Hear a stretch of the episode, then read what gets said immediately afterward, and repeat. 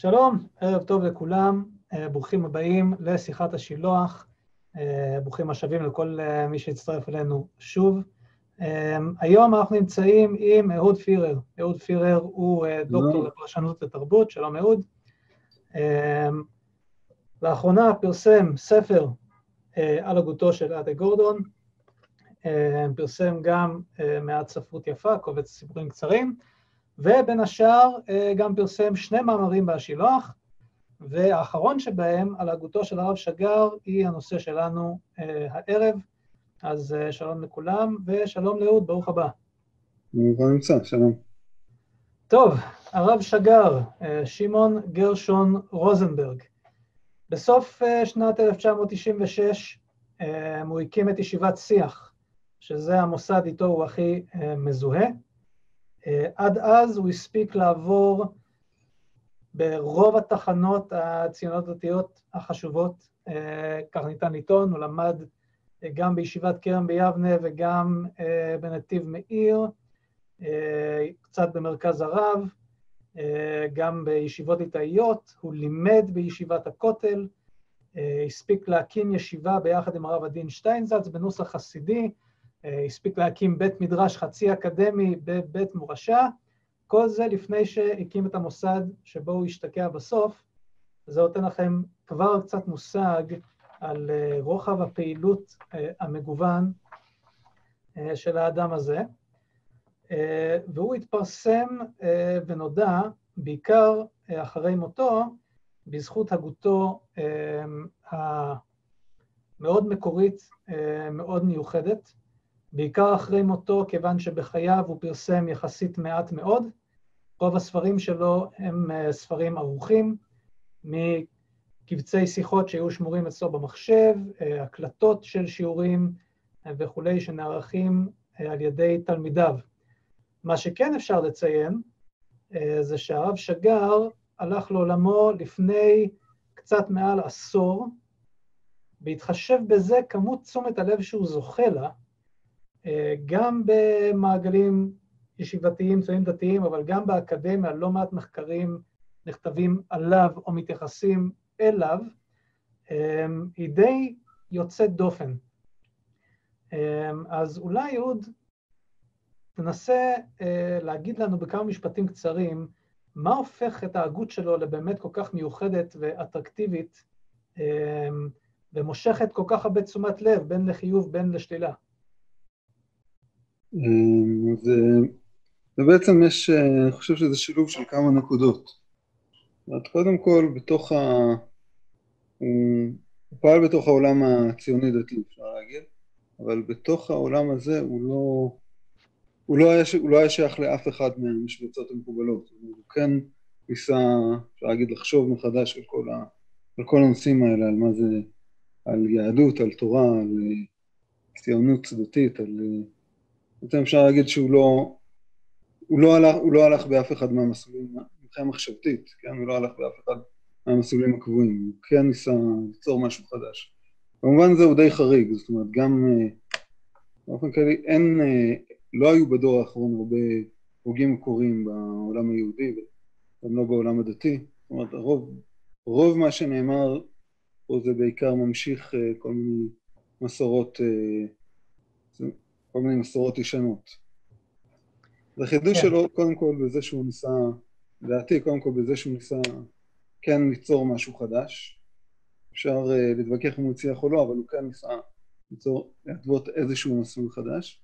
עכשיו, מעבר לזה, החידוש שלו גם, אה, לפחות uh, uh, כמו שאני ראיתי את זה, uh, אני זוכר שפעם כשעשו עליו איזה, פעם באחד הסרטים שעשו עליו אחרי מותו, אז שאלו מישהו מה, מה בעצם היה מיוחד בו, אז הוא אמר שכשהוא פגש את הרב שגר, אז בפעם הראשונה הוא פגש אה, רב שאומר אמת, ורק אז הוא הבין כמה, שבעצם יש משהו אבסורדי בזה שזה כל כך נדיר למצוא רב שאומר אמת. עכשיו, מעבר ל... כאילו מעבר לאמירה האישית, יש פה גם, אני חושב, אמירה הגותית, אמירה אינטלקטואלית. זאת אומרת, הוא חתר גם בהגות שלו לאיזושהי אמת, וזה זה אני חושב אחד הדברים ש, תפסו גם אצל, ה, גם אצל התלמידים שלו בימיו, וגם, אה, אני חושב, גורם, ל, גורם גם לאנשים היום להמשיך להתעניין בו. יפה. אה, אגב, אה, בהקשר של החדש והאמירה של דברים חדשים, זה מעניין שבין שאר ההוגים שהוא למד והזדהה איתם, היה איזשהו מקום שבו ממש ראה את עצמו כסוג של אה, ממשיך או פועל בהשראת אה, תורתו של הרב קוק. למרות שמבחינת אה, הדברים, נאמר ההגות הקוקניקית של תקופתו, הוא הלך מאוד נגד הזרם, אבל אולי נגיע לזה בהמשך. רק אני לא בטוח שהוא באמת ראה את עצמו כממשיך של הרב קוק. לא יודע אם ממשיך, אבל נאמן לרב קוק באיזשהו אופן, או נאמן לשאיפה של הרב קוק לשלב בין, אה, בין ההגות היהודית, או בין העולם היהודי, לבין אה, הפילוסופיה הקהילית של אותה עת, למצוא איזשהו אה, מיזוג או גישור בין שניהם, ככה לפחות אני התרשמתי. אוקיי, טוב. אני לא, אני לא לגמרי מסכים עם האמירה הזאת. אני לא חושב שהוא, שהוא חתר ל, להגיע לאיזושהי הרמוניה או לשלב בין דברים, אני לא חושב שהוא חשב שאפשר לשלב בין דברים.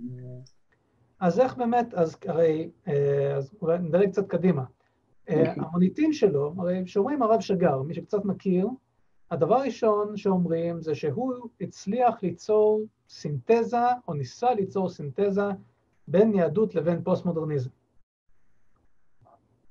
אה, אני לא לגמרי מסכים עם האמירה הזאת. אני חושב, אם הייתי, הייתי מנצח את זה אחרת, שהוא...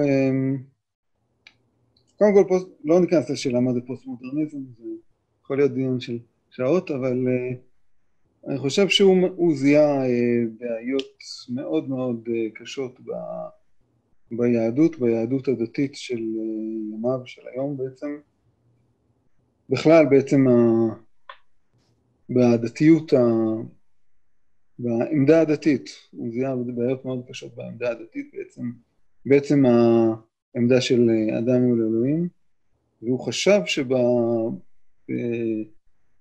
שבהגות העכשווית יש כלים שיכולים לסייע להתמודד עם הבעיות האלה.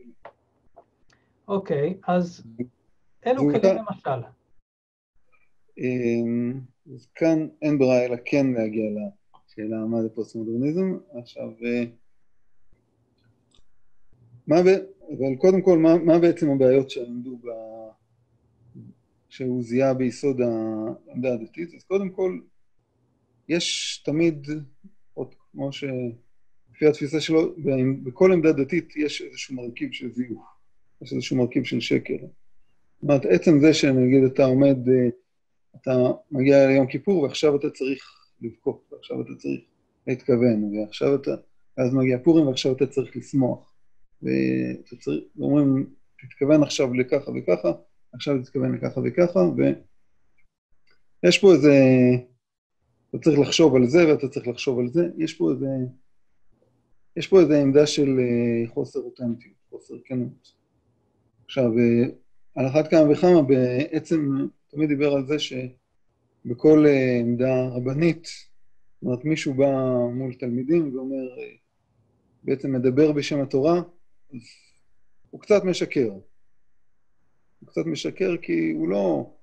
כי הוא מתיימר לדבר בשם, בשם אה, קדוש ברוך הוא, מתיימר לדבר בשם איזושהי אמת, אבל הוא לא, לא, הוא לא בהכרח תמיד מדבר, אה, מדבר את האמת, לא בהכרח, אה, הוא לא בהכרח מדבר בשם הקדוש ברוך הוא, מדבר גם בשם עצמו. לכן בכל עמדה דתית יש איזשהו מרכיב של שקר ואיזשהו מרכיב של זיוף. עכשיו, אחד ה... והוא לא היה הראשון שעמד על זה, גם אה, בעצם כל תנועת המוסר אה, בעצם בנויה על הניסיון לעקור את, ה, לעקור את השקר ואת הזיוף ואת העמדת פנים שבחיים הדתיים ולשאוף לאיזושהי אותנטיות ואיזושהי כנות. ואפשר להגיד גם האקזיסטנציאליזם הדתי בנוי על זה. עכשיו, אבל אה, הרב שגר בעצם, חושב, משהו זיהה בעמדה, מה שמקובל להגיד, לקרוא לה פוסט-מודרנית, איזשהו אה, ויתור, ויתור על, ה...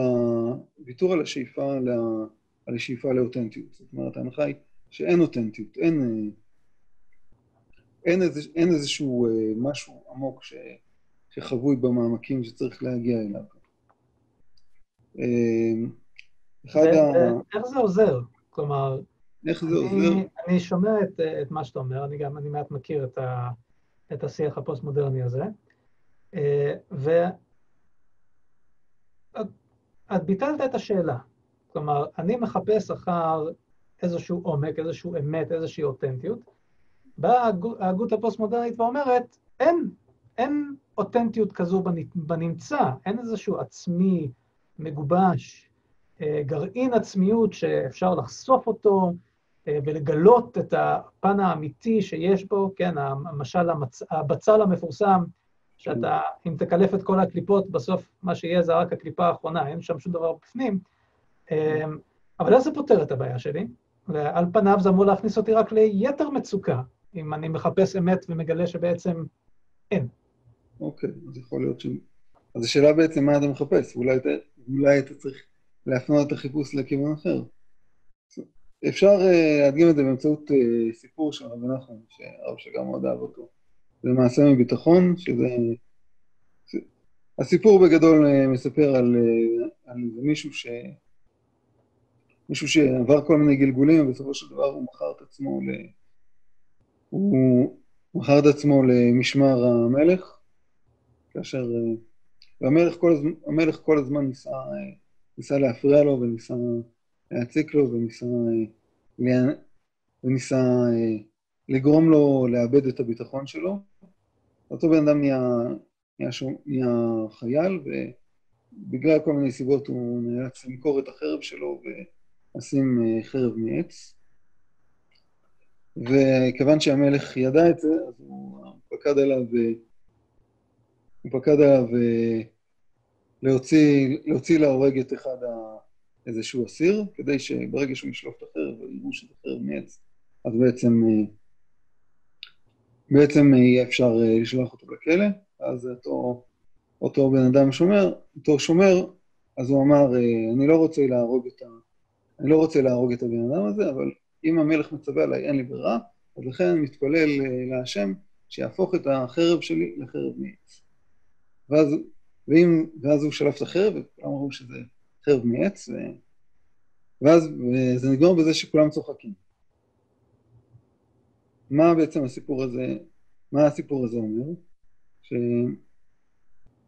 שהרב שגר הבין את הסיפור הזה שבעצם, הסיפור הזה, אומר, הבן אדם הדתי, התפילה שלו, כן, אצל רבי נחמן חרב מסמלת תפילה, כל מיני כן, בצלותי ובהותי ובחרבי ובקשתי, בתפילתי ובבקשתי. זאת אומרת, החרב מסמל תפילה, והחרב של האדם הדתי תמיד, היא בעצם עשויה מעץ, היא לא חרב אמיתית.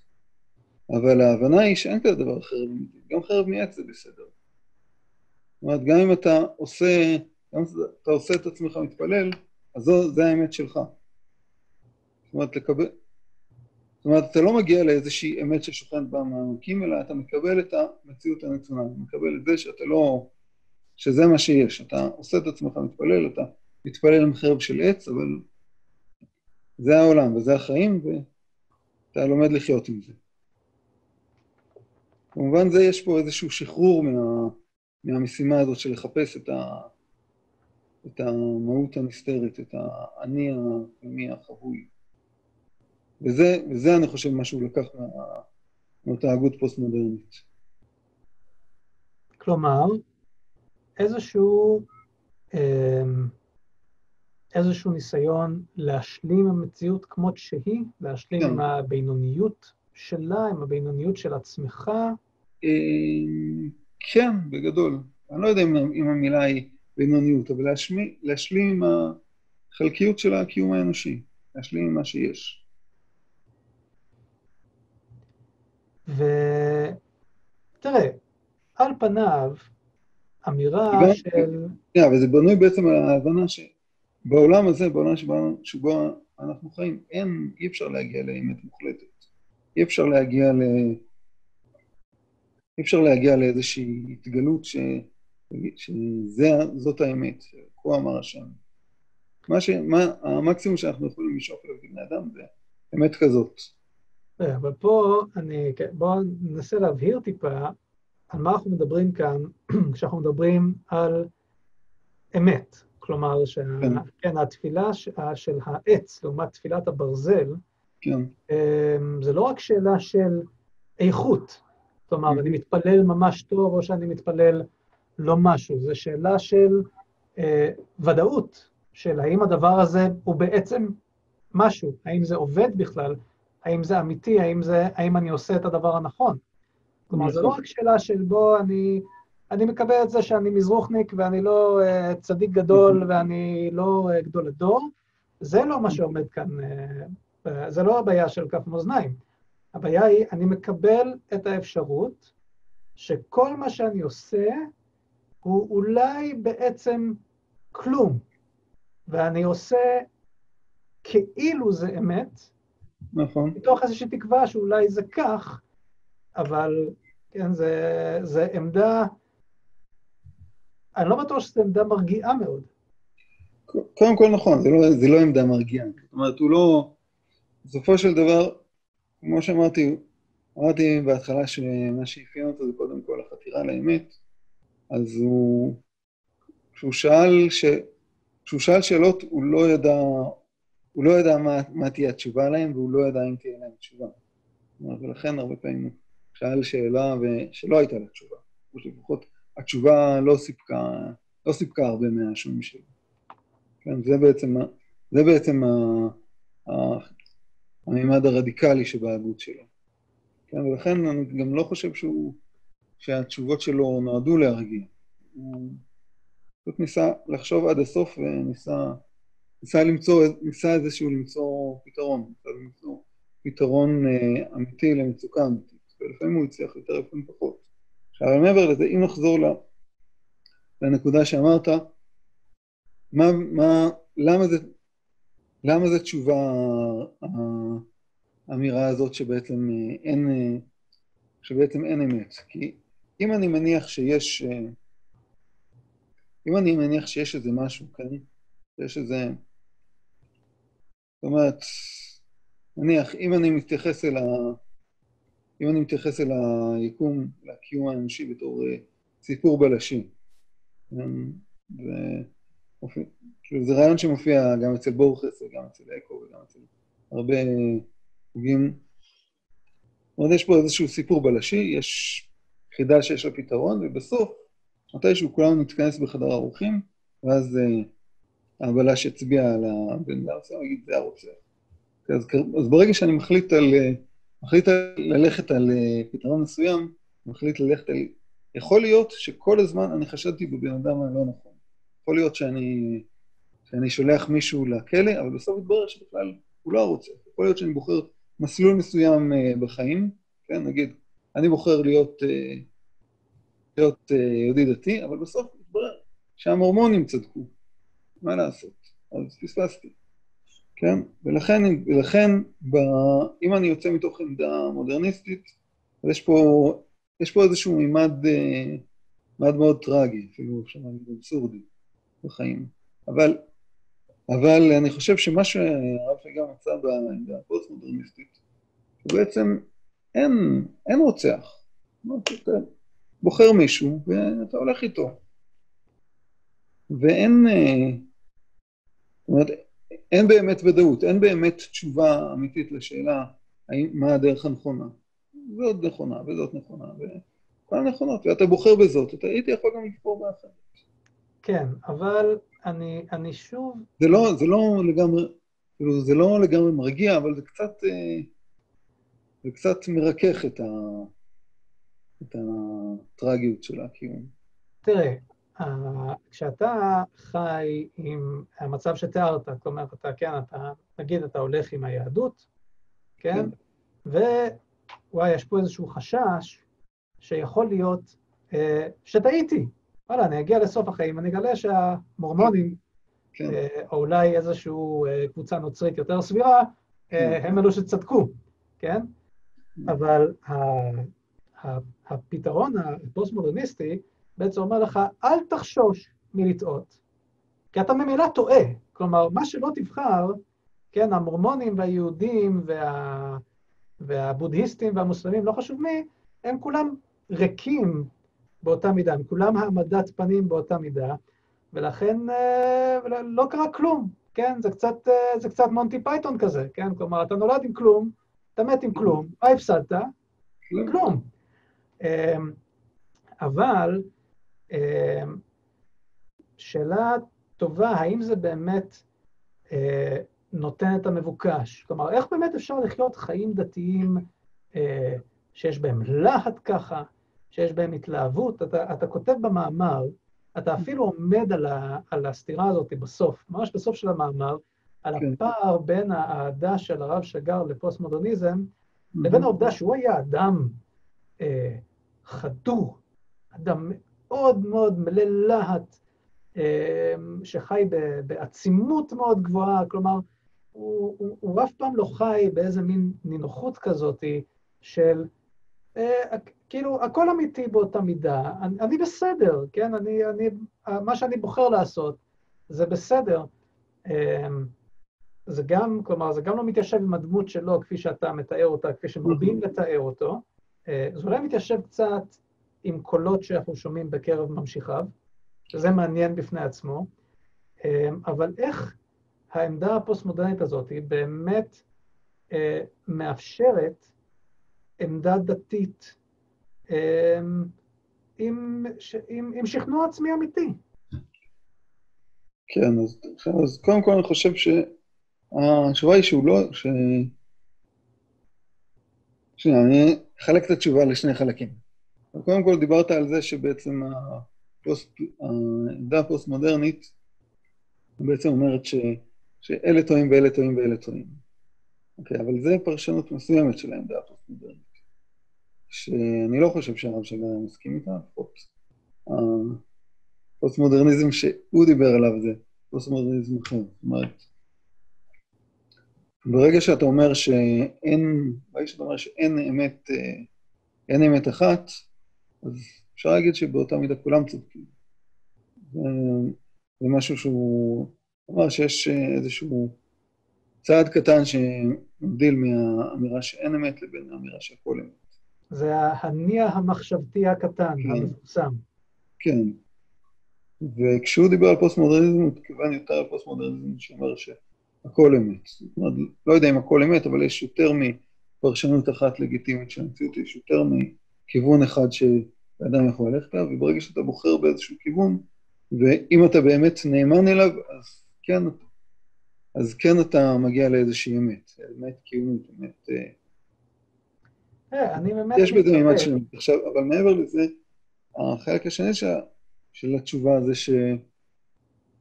שבסופו של דבר זה לא, הוא לא יצא מתוך נקודה עמדה פוסט-מודרניסטית והגיע, והגיע לעמדה דתית, אלא להפך, הוא יצא מתוך עמדה דתית מאוד מאוד עמוקה, מאוד, אפשר, אפשר להגיד, קיצונית. אבל, ומתוך העמדה הזאת, ובתוך העמדה הזאת הוא זיהה, בגלל שהוא היה, בגלל שהוא היה בן אדם כל כך מאמין, ו... אז הוא גם זיהה את הבעיות שבעמדה הדתית, בעיות שיש בעצם בכל עמדה דתית, שזה גם מתחבר עם התפיסה, עם התפיסה הפסימית שלו לגבי הקיום האנושי, ואפשר להגיד, הצד הפוסט-מודרניסטי נועד כדי להתמודד עם הבעיות שבעמדה הדתית, אבל הבסיס הוא בסיס דתי.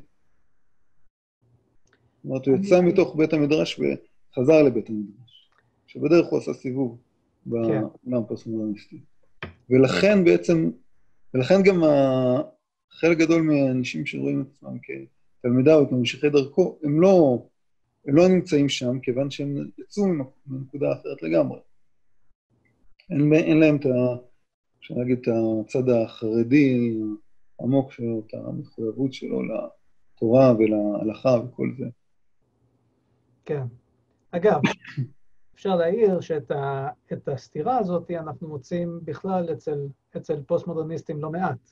כלומר, הרבה פעמים אנחנו מוצאים שפוסט-מודרניסטים שמדברים בסגנון מאוד אה, רלטיביסטי ומאוד אה, פיקפוק באמת, ושהכול זה שפה ושדות שיח, אבל מצד שני הם מפגינים מחויבות מאוד מאוד עמוקה ולהוטה לעקרונות מוסריים מסוימים, מטרות פוליטיות מסוימות. זה תמיד איזשהו אי-הלימה שאנחנו מוצאים.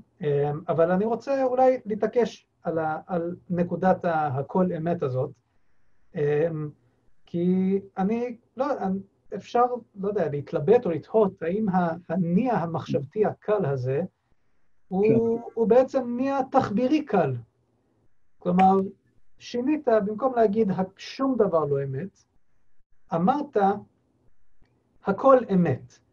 האם באמת, חוץ מ, לא יודע, איזושהי תחושה שזה יוצר, איזושהי לגיטימציה עצמית, האם מבחינה פילוסופית יש, יש באמת הבדל בין שני ההגדים האלו? בסופו של דבר, על פניו התוצאה היא אותה תוצאה, כלומר, הכל בר תוקף באותה מידה.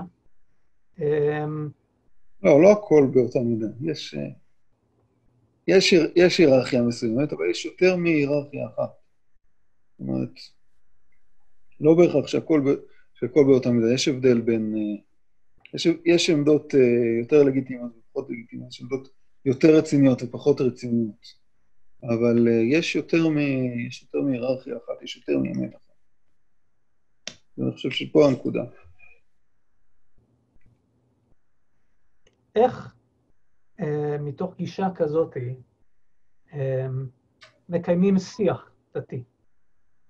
שיח של ויכוח למשל, על כיצד נכון לפרש אה, טקסט מסוים, עיקרי אמונה מסוים, איך לומדים ביחד? איך מחנכים ילדים? אה, חינוך ילדים זה באמת, זה באמת סוגיה נפרדת, אבל לגבי איך, איך לקיים שיח, זה, זה יחסית שאלה קלה, כי של דבר כל, כל השיח היהודי בנוי על זה שיש כל מיני טקסטים שכל אחד מהם מפרש אותם בצורה אחרת, כל אחד, כל דור מפרש מחדש. עכשיו, ואגב, הרב שגר, עוד אחת הסתירות שלו, שבו זה שלמרות שהוא היה, הוא מאוד אהב פוסט-מודרניזם ואהב את אה, דרידה ואת הפוסט-סטרוקטורליזם וכל הזרמים האלה, כשהוא למד גמרא אז הוא, אז הוא היה מאוד, אה, מאוד, שא, מאוד שאף להגיע ל... לאמיתה של תורה והשתמש גם בכל הכלים המחקריים כדי לנסות לברר את האמת של הסוגיה, זאת אומרת לנסות לברר גם, גם, גם, גם אם זה אומר להשוות כתבי יד וגם אם זה אומר לנסות להבין מה ההבדל בין התפיסות שונות של ראשונים שונים. זאת אומרת, הוא כן, כשהוא למד טקסטים, הוא כן שאף להבין אותם. אה,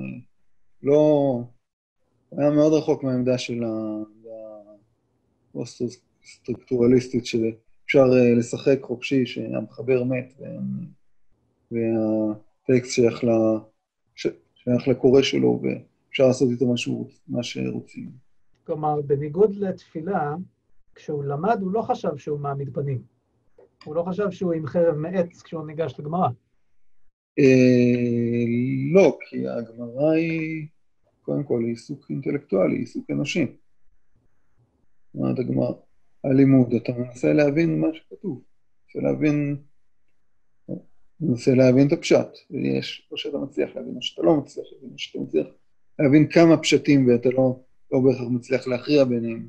הבנתי, אבל אם אני אשאל אותך, האם הטקסט הזה, הפשט הזה שהגעת אליו, האם הוא הולם את דברו של האל או מה שהאל ציווה, או מה שהאל התכוון שנעשה, אז אנחנו נחזור לאותה בעיה של אחרת? כן, לגמרי. ואגב, הוא, שאלתם אותו, אתה, אתה הרי היית תלמיד שלו, בניגוד ללא אה, מעט מלומדיו וקוריו היום, אתה הכרת אותו, אה, היית מהתלמידים הראשונים בישיבת שיח, אתה מספר על כך גם במאמר. השאלות האלו עלו במהלך הלימוד או בשיח על הלימוד? האם כן, הטקסט הזה הוא משקף את ההתגלות באמת? כן, השאלות האלה עלו כל הזמן, והוא אף פעם לא נתן להם אה, תשובה ברורה. בכלל, כשבאו אה, לשאול אותו שאלה, תמיד, אה, תמיד היו יוצאים עם אה, יותר שאלות מאשר כשנכנסו.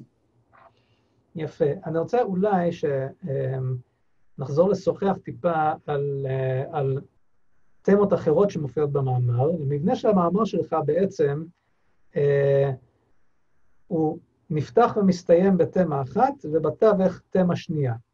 בעצם בלב של המאמר נמצא הדיון אה, בפוסט-מודרניזם ומה שהוא מאפשר אה, לחוויה הדתית.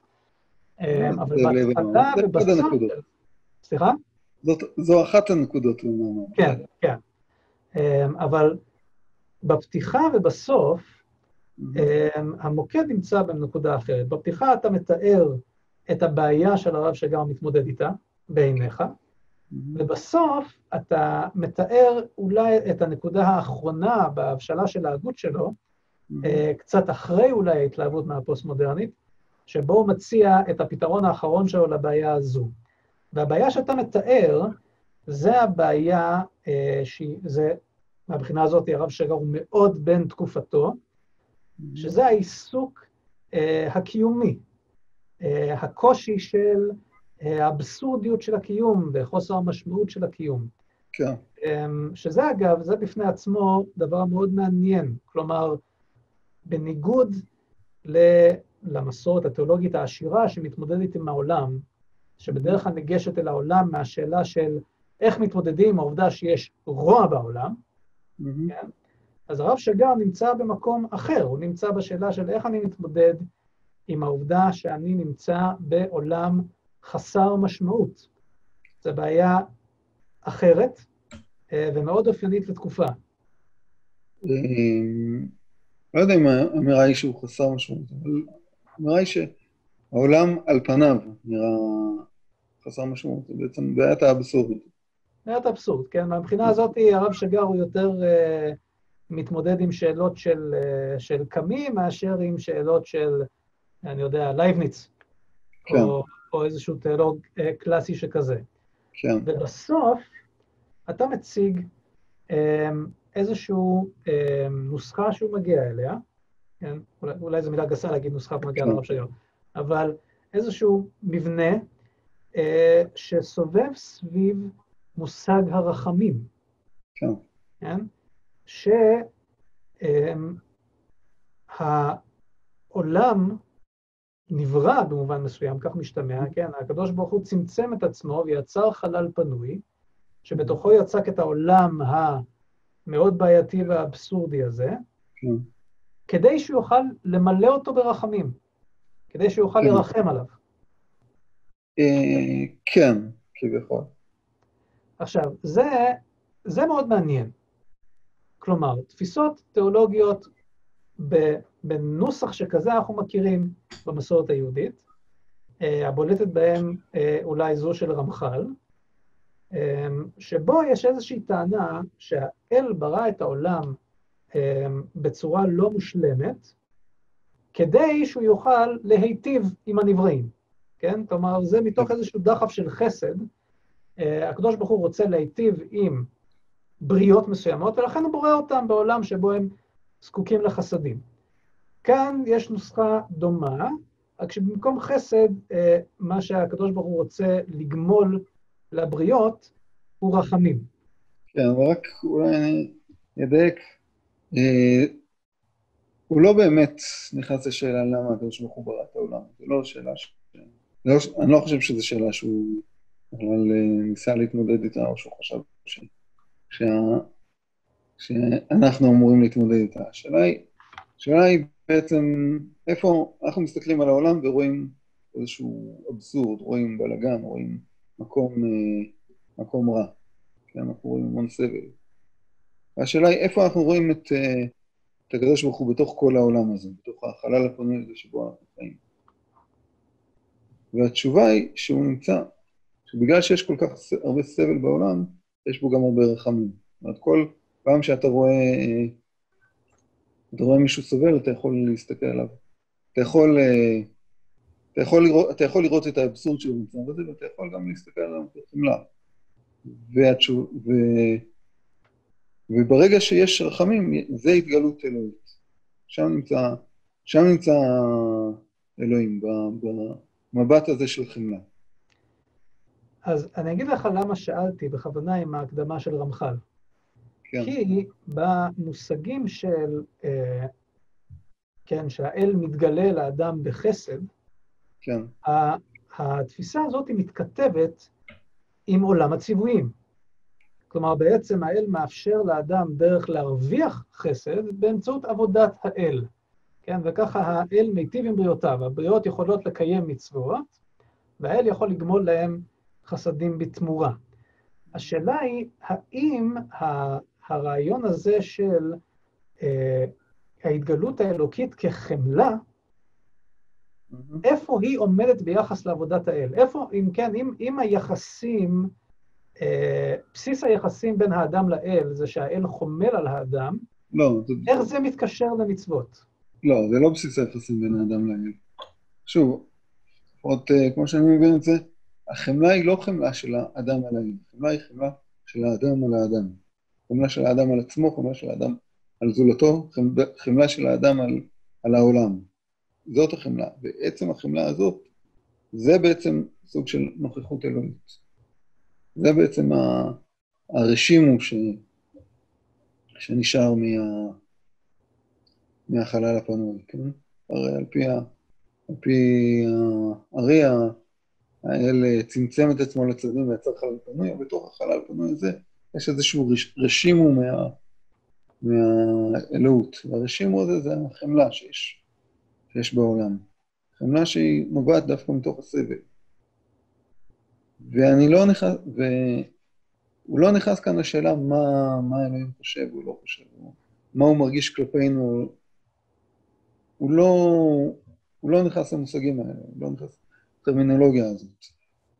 עכשיו, איפה זה עומד, איפה זה עומד ביחס לציווי? זה לא, בגדול זה לא עומד. אומרת, הוא לא, הוא לא אומר שהשם ציווה עלינו לעבוד אותו, השם ציווה עלינו לקיים מצוות או ללמוד תורה, כי, כי אנחנו לא, לא באמת מדברים על השם, לא באמת מדברים על... אלוהים. אנחנו מדברים על זה שאנחנו פוגשים אותו באמצעות החמלה, אנחנו פוגשים אותו באמצעות זה שאנחנו חומלים על עצמנו. הציווי הוא, מקומו של הציווי הוא בעצם איזושהי הכרעה שאנחנו מכריעים לקבל את הציווי. תשמע, ולכן, זה, ולכן זה לא לגמרי, זה לא, זה לא בעצם, זה לא באמת פתרון של ה... זה לא פתרון סופי של, של העמדה הדתית, כן? זה פתרון סופי של... זה לא פתרון סופי, זה איזושהי צורה של... צורה של אה, עמידה בעולם. טוב, דרך לחיות בכל זאת בעולם הזה. עוד כמה דקות נפתח uh, לשאלות ותשובות מהמשתתפים, uh, אם יהיו, אם יהיו מעוניינים. Uh, אפשר כבר עכשיו, מי שיש לו שאלה, להתחיל לכתוב, uh, ואנחנו uh, נוכל, uh, תהיה לנו רשימה בפנינו. אמ, אבל אה, תרשה לי לשאול אותך אמ, באופן אישי. אתה אה, למדת אצלו, הכרת אותו באופן אישי, כן. אמ, אתה עסקת לא מעט בהרחבה בכתביו. האם אתה מוצא את העמדה הזו משכנעת? באופן אישי. ו, ובמידה ולא, איפה פחות? כלומר, איפה, איפה נמצא שם הקושי בעיניך? זהו, אז יש, כמו שאמרתי, השאלות שלו תמיד היו יותר אה, חזקות מהתשובות שלו, כמו שאני רואה את זה. ולא, ולא כל התשובות שהוא נתן שכנעות אותי, או לפחות לא כולם שכנעו אותי תמיד. בזמנו כשלמדתי אצלו, אז הרעיון הזה שהאמונה כהכרעה, זאת אומרת שאתה לא יודע מה, אתה לא יודע מה הדרך, אבל אתה מכריע, אתה מכריע לחיות חיים דתיים, זה, זה נקודה שלא, שאז לא יכולתי לקבל אותה, וגם, וגם לא, גם לא יכולתי לקבל את העמדה הפוסט-מודרניסטית, ש... או העמדה הפוסט-מודרניסטית כמו שהוא הציג אותה. זאת אומרת ש... שבעצם אין אה, להסתפק בתפילה שעשויה, שעשויה עץ. אבל אה, זה, זה, זה נקודות שאני פחות התחברתי אליהן בתורה שלו. אה, מה הייתה... מה היה המשך השאלה, תזכיר לי? לא, זה בעיקר הייתה השאלה, כלומר, איפה, איפה, איפה אתה נמצא ביחס לזה באופן אישי, ואילו קשיים, אם יש, זיהית, אני חושב שאני... גם אה, כתבתי בתחילת המאמר שבעיניי הרב שגר הוא דמות טראגית כי הוא נמצא על איזשהו קו תפר בין, בין איזשהו עולם דתי אחד לעולם דתי אחר. הוא צמח מתוך העולם. העולם הדתי הישן, עולם, ש... עולם הישיבות, הוא היה מאוד מחובר לעולם הזה, מאוד שייך לעולם הזה. הוא היה מאוד, אה, מאוד שמרן מבחינה הלכתית, הוא הקדיש את כל חייו לתורה, הוא לא... הוא היה מאוד אה, נטוע בעולם הזה. והוא ניסה להציל את העולם הזה, אבל אה, אבל השאלות שהוא שאל הן בעצם מובילות, ל... מובילות למקום אחר. מובילות למקום אחר, ואני לא חושב שה... לא בטוח לגמרי, שלפחות אצלי, התשובות שהוא נתן הן לא... הן לא בהכרח אה, עונות עליהן. כן, אתה גם, אתה, אתה מעלה את התהייה בסוף המאמר, כן. אמ, לאן תלך ההגות הזו? כן. אה, ומה יהיה איתה בסוף? אמ, אין לנו, אין לנו כרגע בינתיים שאלות מהקהל, אז אני אה, גם בקשר לזה רוצה לשאול. Mm-hmm. יש אה, תיאולוג mm-hmm. מתקופת, מהתקופה הרומנטית, תקופת נאורות, בשם פייר בייל, לא מאוד מוכר, אבל הוא פחות או יותר בן זמנו, ומבחינת החשיבות שלו דומה מאוד לפסקל. Mm-hmm. וזו דוגמה מאוד טובה לדמות טראגית. כן. הוא הקדיש את מפעל חייו להגנה על הדת הנוצרית. והאופן שבו הוא ביקש לעשות את זה, זה להראות ולבצר אה, שהדת היא מחוץ לרציונליות, שאי אפשר לשפוט אותה במושגים רציונליים, אה, ובמיני אה, טיעונים מאוד מחוכמים הסביר למה, תראו איך הדת היא תלוית אמונה, הוא היה פיידיסט מה שנקרא, כלומר, הדת באמונה בלבד, אמ, וטיעונים רציונליים לא נוגעים אליה בכלל. Mm-hmm. והוא, עד כדי כך, הוא אפילו התאמץ מאוד להראות למה כל מיני דברים בדת הם לחלוטין לא רציונליים, ולכן לא ניתן לשפוט אותם במות מידה רציונליות. Mm-hmm. למה הוא דמות טראגית?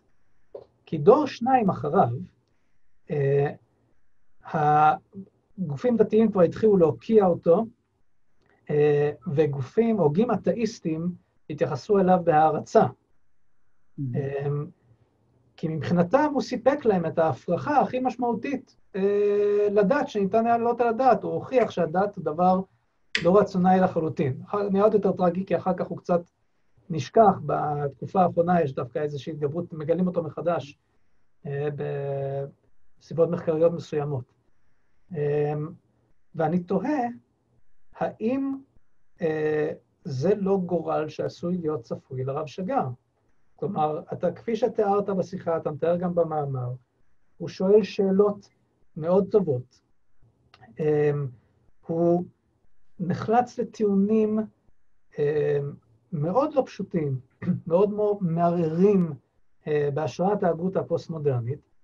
אה, נוהים אחריו לא מעט אנשים שרואים בהגותו מקור השראה, ואני תוהה האם ההגות שלו לא מותירה אנשים, בסופו של דבר, עם יותר מדי שאלות מאוד מאוד טובות, ועם תשובות שלא מצליחות לייצר את השכנוע אה, שיאפשר להם להתמיד.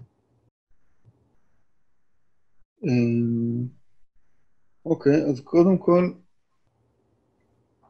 אז אה, טוב, קודם כל ההגות שלו היא, יש, היא מורכבת, יש בה הרבה חלקים. יש בה, חוץ, מה, חוץ מגם אה, החלקים שאני מניתי, יש בו, יש גם את תפיסת הלימוד שלו, יש את, ה, יש את הפרשנויות שלו לטקסטים החסידיים, יש את היחס שלו לגמרא, את איך צריך לגשת לגמרא כל הדברים האלה, זאת אומרת, בן אדם יכול לאמץ את כל הדברים האלה ולא לאמץ את, ה, את נקודת המוצא שלו. זאת אומרת, לא, לא בהכרח חייבים לקבל ממנו הכול. ויש, אה, אני מכיר הרבה כאלה שלוקחים ממנו, אה, לוקחים ממנו דברים מסוימים ולא לוקחים ממנו את ה... עכשיו, גם באותה מידה, גם נקודת המוצא שלו כאמור היא, לפחות כמו שאני רואה את זה, היא האבסורד של הקיום, אפשר להגיד הייאוש. עכשיו, אבל יש הרבה אנשים שלומדים אותו ולא רואים את ה... לא תופסים את העולם כמקום אבסורדי ומייאש. אז מבחינתם, מבחינתם השאלה, השאלה לא קיימת. כן, יש את האמירה של אה, ויטגינשטיין שעולמו של האומלל ועולמו של המאושר זה עולמות שונים. אז בן אדם יכול... אה, מישהו, מי ש... מישהו מאושר, אז, אז הוא לא יבין בכלל את השאלה הזאת. אין פה שאלה. יש פה, יש פה רק את התשובות, אין את השאלות. מה... זה, אה, זה עוד כיוון שיכול להיות, שאפשר לקחת את ההנהגות שלו. עכשיו, יכול להיות באמת, כן, יכול להיות שזה יהיה, שזה ילך ל... יכול להיות שהוא, שהוא ייזכר בתור דמות טראגית, ש... שניסתה להעמיד אלטרנטיבה דתית ולא הצליחה. לא יודע מה, מה יהיה בעתיד. טוב, אה, תשמע, יש לנו כאן, אה, יש לנו שאלה ממוטי, אה, שואל בצורה מאוד כללית, האם לדעתך הרב שגר הצליח להציל את העולם הדתי? שזו שאלה מעניינת. אני כבר אאתגר אותך אולי לפרוט, בלי קשר למה תהיה תשובתך, כמה נקודות שבעיניך בוודאות אמ, הוא כן חיזק אה, או השפיע באופן חיובי על העולם הדתי.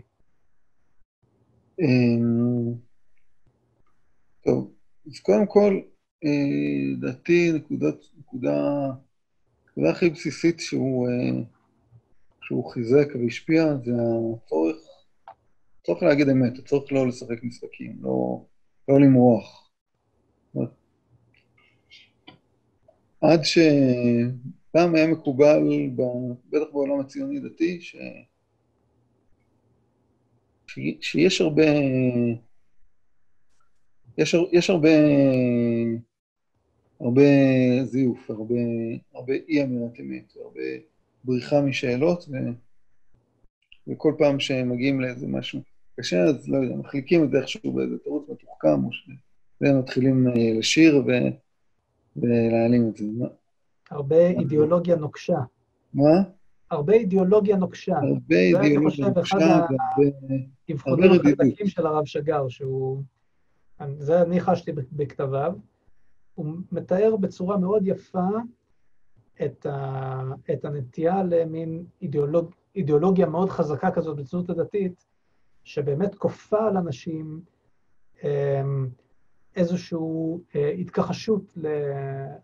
לעצמם, התכחשות למה שמפריע להם, אה, ובאיזשהו העמדת פנים, אבל לא מהסוג שהוא אחרי זה נוטה לקבל, אלא מהסוג שהוא מוגזם. העמדת פנים לא מודעת לעצמה, העמדת פנים ש... איזשהו... העמדת פנים שגוררת איתה גם איזושהי אה, שטחיות מאוד גדולה ואיזושהי צעקנות כזאת שמסתירים את כל השאלות מאחורי צעקות, ו... אז משהו, או את התרומה הכי גדולה שלו זה שהוא הניח על השולחן את התביעה הזאת של אה, לא, לא לברוח מהשאלות ולא לזייף ולא להתכחש להם, אלא לדעת, להיות מודע, להיות מודע לשאלות, לחתור לאמת, לנסות לזקק את, ה, את העמדה הדתית שלך, להיות מודע לבעיות שלה. אני חושב תביעה שהיא, קודם כל תביעה מוסרית מאוד חזקה. יפה. אה, יש לנו כאן שאלה נוספת. זה הדבר המרכזי שאני עוד אה, קיבלתי ממנו.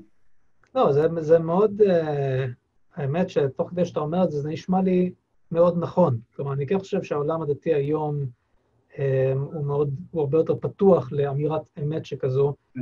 אולי בא לידי ביטוי בתופעה של השירה הדתית החדשה, שהרבה מהמשוררים האלה שכותבים ספרי שירה, אמ, שהם מאוד, יחסית מאוד פתוחים ב- בלבטים דתיים, מערבולות של דתיים, אמ, לא מעט קשורים לחוגים של הרב שגר, כן? אלחנן ניר, אחד ממייסדי הז'אנר, הוא מלמד בשיח, התלמיד קרוב של הרב שגר. זה בהחלט... כן, תנסה להיזכר איך היה נראה העולם הדתי לפני 20 שנה. נכון, זה בהחלט, אתה יודע מה, אם רק, אפילו אם רק בשביל זה הוא בא לעולם, זה שווה. יש לנו כאן שאלה מעניינת מדניאל, שדניאל טוען, הוא מרגיש שההגות של הרב שרגר, כפי שאתה מתאר אותה, מזכירה קצת את ליבוביץ' דווקא. והוא שואל, האם הרב שגר הכיר את ליבוביץ'? כן, מן הסתם הוא הכיר אותו באופן מסוים, השאלה היא האם הוא התעסק איתו, בהגות שלו, האם הוא התמודד איתה, והאם אתה, אתה רואה קווי דמיון ביניהם? קודם כל כן, הוא התייחס אליו הרבה, הוא, הוא דיבר עליו, ב, דיבר עליו בכמה הזדמנויות וכתב עליו. אם אני רואה קווי דמיון, יכול להיות שיש, הדמיון הוא סמנטי, הוא לא, הוא לא דמיון אמיתי, כי אצל לייבוביץ' זה היה הגות של סימני קריאה. גם, גם, כשאתה קורא אותו וגם אתה שומע אתה שומע אותו, אז זה הכל סימני קריאה, הוא יודע בדיוק, יש, יש uh, את התחום הזה, יש את התחום הזה, הם לא מתקרבים אחד לשני. הדת היא רק אוסף של ציוויים חסרי פשר שלא אמורים להתעסק אליהם, ו... והעולם זה משהו אחר לגמרי. אצל ההגות של לייבוביץ' היא גם מאוד מאוד פשוטה. אפשר, אתה קורא מאמר אחד שלו וזהו, ואחר כך זה פשוט עוד יישומים של, ה, של, אותה, של אותו, אותם רעיונות בסיסיים. אצל הרב שגר אין אף פעם סימני קריאה, יש תמיד קול הרבה יותר, קול הרבה יותר מעורפל, הרבה יותר רב-משמעי, לא, הוא, הוא אף פעם לא יגיד שזאת האמת. אולי, זה יכול להיות, יש צד כזה, יש צד כזה, יש כיוון כזה, יש כיוון אחר, יש תמיד זליגה בין כל התחומים. זה אולי ה... גם... אה, חוץ מזה, הרב שגר גם בסופו של דבר הוא גם היה מאוד אה, מחובר לעולם החסידי, לעולם הקבלי. השם הכי, שהוא מזכיר הכי הרבה זה רבי נחמן ברסלב. כל, אה, חייו עסק, ב, עסק בתורות שלו ובסיפורים שלו. במובן מסוים הוא מאוד אה, רחוק מהם. זאת אומרת, יש איזשהו דמיון מבחינת השמרנות ההלכתית, אבל... אה, ויש גם הבדל מאוד אה, עמוק, גם, גם הבדל באוריינטציה וגם הבדל ברעיונות עצמם. יפה.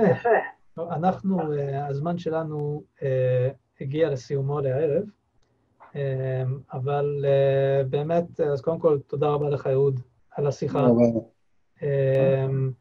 שבעצמה הסתיימה אה, בטון מאוד פתוח, אמ, שזה אה, הולם סך הכל, כי הסיפור של הרב שגר הוא סיפור מאוד פתוח. אה, הוא היה, כפי שאתה מתאר, אדם של שאלות. אמ, הסיפור שלו נגמר פתוח, הוא נפטר צעיר ממחלה, מחלה קשה, אבל יחסית פתאומית, מהירה. הוא לא זכה אה, להוציא את הגותו לאור בעצמו, הגותו יוצאת לאור בעיקר על ידי תלמידיו, וזה תהליך שבעצמו אה, הוא ממש אה, בהתהוות. כלומר, הספרים יוצאים, כל, כל מדי שנה יוצאים עוד כמה כרכים, וכמויות החומר שמהם הם עורכים עצומות. אז נכונות לנו כנראה עוד לא מעט שנים של, של גילוי של הרב שגר והתעסקות בו. ימים יגידו אה, אם זה, אם הרב שגר אה, יתמיד בהשפעה שלו ובנוכחות שלו בהגות היהודית, אמ, או שלא, אה, אבל באמת בסופו של דבר מדובר בהוגה מאוד מרתק, הוגה שהרבה אנשים מצליחים למצוא בהגות שלו בכלל, או בנקודות בהגות שלו, הזדמנות אה, להתחדשות ולהתרעננות אה, דתית, אה, וגם קוראים לא דתיים מוצאים בו הרבה עניין, ועל כן אנחנו מודים לך שוב מאוד על המאמר ועל השיחה, ותודה לכולם שהייתם איתנו, וניפגש בשיחת השילוח הבאה. להתראות.